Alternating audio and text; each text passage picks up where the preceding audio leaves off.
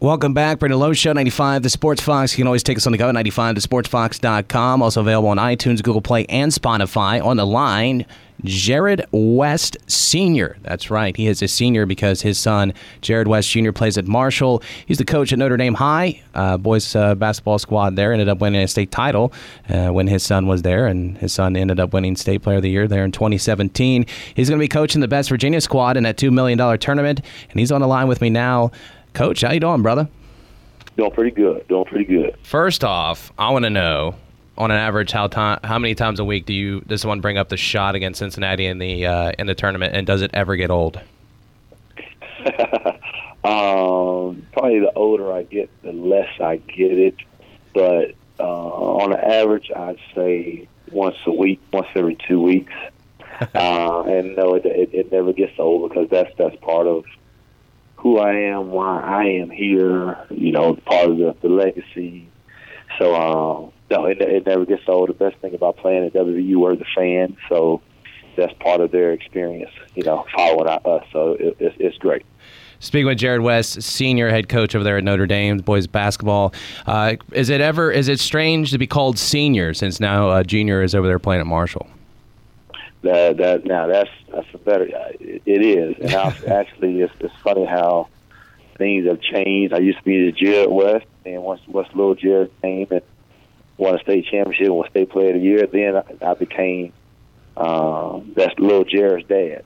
So yeah. it, it's it's funny how things have have changed as I've gotten older. Um, I still see him as my little baby boy, but he's obviously 20 years old now, and has played in NCAA tournaments. So, um, you know, which is hard to which is hard to grasp, but um, it, it's, it's a great thing. He's he's a great kid, uh, probably a better kid than basketball player. So I, I love being called Jared with.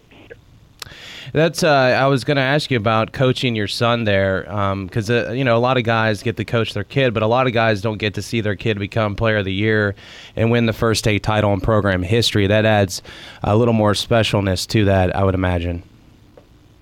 Uh, it was one, it's, it's one of the best things in the world. Uh, it's one of the hardest things in the world, being dad and coach, because we're a sports family, and, and people always say, well, you, you should leave uh, coach at home and bring dad home.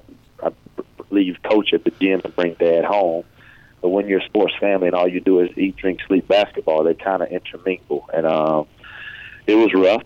Um, you live and die a little more when your son is playing with with, with each with each dot having to see him, having to pick him off the uh, Charleston Civic Center floor three times, crying when you didn't when you didn't win it all. That's tough. That's yeah. hard, and to deal with the, the criticism and is he good enough? Can he win the big one? All that stuff is hard. But then the flip side is once we won it and to celebrate it with him, that was one of the top five days of my life to go along. You know, get married, the birth of my two kids, uh, my Sweet 16 shot, and winning that state championship. You know that that with with him that that's one of the best days of my life. So it, it was a great experience, but it, it, was definitely hard. Uh, and now it's, it's harder having no control, seeing him play in college. Uh, you just kind of have to trust that what you instilled in him is is uh, with him. So uh, it's been a great journey, and, and the better thing is he's a great kid. He's allowed me, allowed me and my wife to go along that journey with him. So it's been special.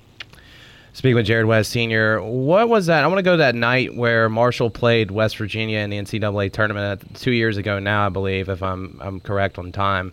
I'm getting old, so I'm losing track of time here. But um, here you are, you're a guy played at West Virginia. You hit that shot, as we mentioned, against a Bearcat team that was coached by Huggins, who now is the coach at West Virginia. Your son is going against Huggins uh, with Marshall, which was just a historic season. Um, that had to have been a pretty surreal moment, uh, kind of watch that unfold very eerie, to be honest with you. Uh, awkward, eerie. Um, being a West Virginia alum, uh, you know, now I have a lot of more green in my closet, which I never would never would have imagined. Um, but it, it was great seeing both teams get into the NCAA tournament. It was special for Marshall. It was special for my uh, seeing your son be a part of the uh, resurgence, if if you want to say, of, of them getting back to the NCAA tournament. So it was it was a great experience. We were able to fly out to San Diego and, and, and watch it. Um, you know, Marshall put on a pretty good show for the first 15 minutes, and then WVU's just kind of took over. But it was a great experience, and it definitely it was eerie. Um, seeing my son play against my you know hometown rival alumni, but uh, great experience.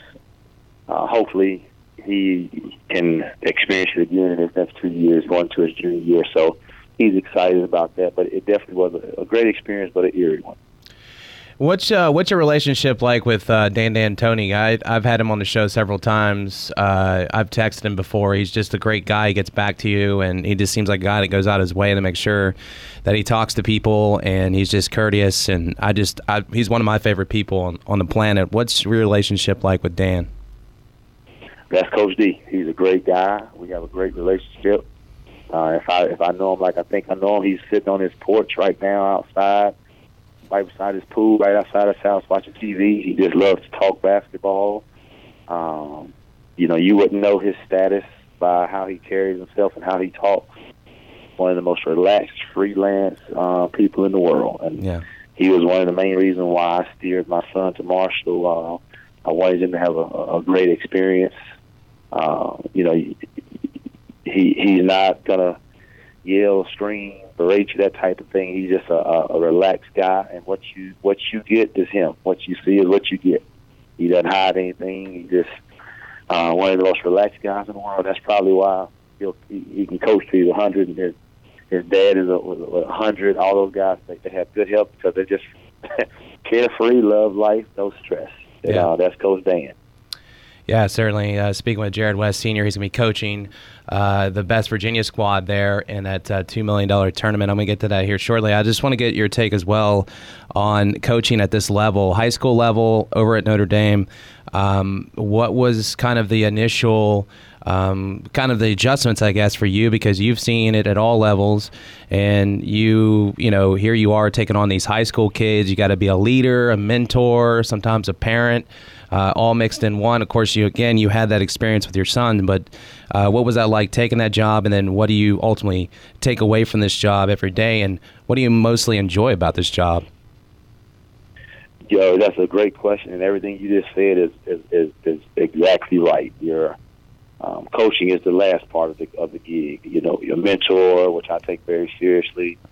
Uh, you're trying to build uh, young men, get them prepared for life uh, I'm real big in speaking life into these young men and, you know, helping them form an individual relationship with God. That's very, very important to be in our program. Um, you know, coaching, in my opinion, you put your system in, you you show the kids that you love them, and try to get them to buy in as much as possible. And you try to teach them X to know that's coaching. Everybody puts their system in, they believe in it. You got to get the kids to buy in. Um, you know, but to get a kid to run through a wall for you is, is about building relationships, letting them know you love them and you care for them. Um, and what do I take the most out of the job is this, the, building the relationships. Kids, kids that I've coached 15 years ago, they still come to my house. They call me. Now, now some of those kids are getting married, having kids, and they still um, they call and talk about life lessons that they've learned under my tutelage. That that's that's the most important thing I can do. If I can affect their lives uh, going forward, I, I've done my job. I, I could care less about the basketball aspect of it. Are we trying to win state championships? Yes. Are we trying to win? Yes. But mentoring and teaching these young men life lessons so they can be better uh, fathers, parents. That's that's that's what I care about the most, and that that's what I take um, out of it the most. Great stuff. Uh, again, you're going to be a part of the coaching staff of the Best Virginia squad. Uh, those guys are characters, to say the least. I enjoy their Final Four podcast they do. I've had those guys on the program, uh, especially John, John Flowers, who's just a character, to put it lightly, but uh, just a joy. I'm going to actually have him on the show Monday to talk about this whole thing. An alumni game coming up as well on the 6th there, but – but uh, the four uh, the four C in the Richmond uh, region of the of the winner take all tournament, two million dollars up for grabs to the winner. Um, that's a lot of cheddar. But uh, who asked you to do it, and why is it important you for to be a part of this experience and process, Coach?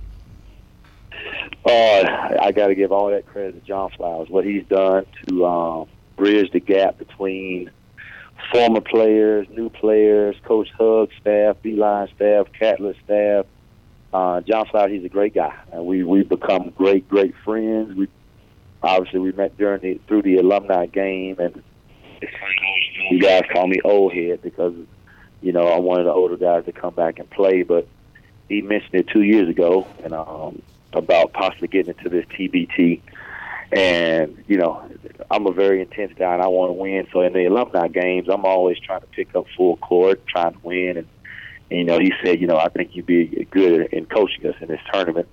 Uh, and I was, I I'm all for it. You know, competitive juices that that runs. That's that's what life's about in my family. You know, the, the opportunity to compete. So uh, he asked me two years ago. We couldn't get into it last year because we weren't as prepared, but he said we're gonna make it happen this year. And so now that time is here. He he asked me, and I was excited about it. Now we're gonna try to go win uh, win a tournament. So we're excited. We'll have a meeting next week to kind of iron some things out, try to get going. Appreciate your time, Coach. Uh, good luck in that tournament, and uh, just love getting to know you. Uh, you know, and following your journey there at Notre Dame, uh, and and you know, seeing Jared do his thing, Jared Jr. over at Marshall. It's just a pleasure to watch there. And again, just appreciate the time, Coach. Thank you. Uh, no problem. Anytime, buddy.